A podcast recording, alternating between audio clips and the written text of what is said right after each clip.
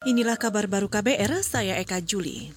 Saudara Wali Kota Bogor Bima Arya Sugiarto mengusulkan pengaturan jam kerja perkantoran di Jakarta. Dikutip dari antaranews.com, Bima menuturkan waktu kerja bisa dibagi dua shift, yakni pukul 8 pagi dan 1 siang.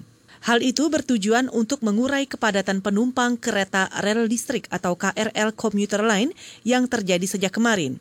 Usulan itu disampaikan Bima saat konferensi video bersama Menteri Perindustrian Agus Gumiwang dan Menteri Perhubungan Budi Karya Sumadi Senin lalu. Dan pagi tadi, Bima memantau aktivitas di stasiun Bogor. Menurutnya, di hari kedua pembukaan perkantoran di Jakarta, petugas lebih sigap sehingga antrian bisa cepat terurai. Saudara, lebih dari 80 persen layanan imunisasi terganggu akibat pandemi COVID-19.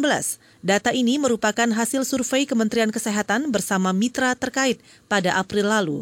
Direktur Surveillance dan Karantina Kesehatan Kementerian Kesehatan, Fensya Sitohang, mengatakan kondisi ini terjadi di hampir seluruh daerah yang ternyata memang uh, cukup mengagetkan bahwa hampir 83,9 persen pelayanan kesehatan terdampak. Artinya pemberian imunisasi itu tidak dilaksanakan lagi yang tentu kita tahu seperti apa dampak daripada kalau pelayanan imunisasi ini tidak dilakukan. Uh, baik itu di posyandu maupun di puskesmas juga di fasilitas pelayanan kesehatan lainnya. Dan itu hampir di seluruh provinsi dan kabupaten kota tentunya. Direktur Surveillance dan Karantina Kesehatan Kementerian Kesehatan, Fensya Sitohang, menekankan imunisasi harus tetap berjalan meski dalam masa pandemi.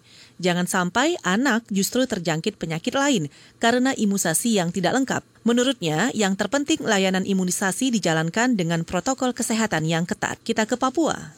Keluarga pimpinan Gerakan Pembebasan Papua Barat atau ULMWP, Buhtar Tabuni, keberatan dengan tuntutan 17 tahun penjara yang diajukan jaksa. Buhtar dijerat dengan pasal makar dan penghasutan saat unjuk rasa mengecam rasisme di Jayapura Agustus 2019 lalu.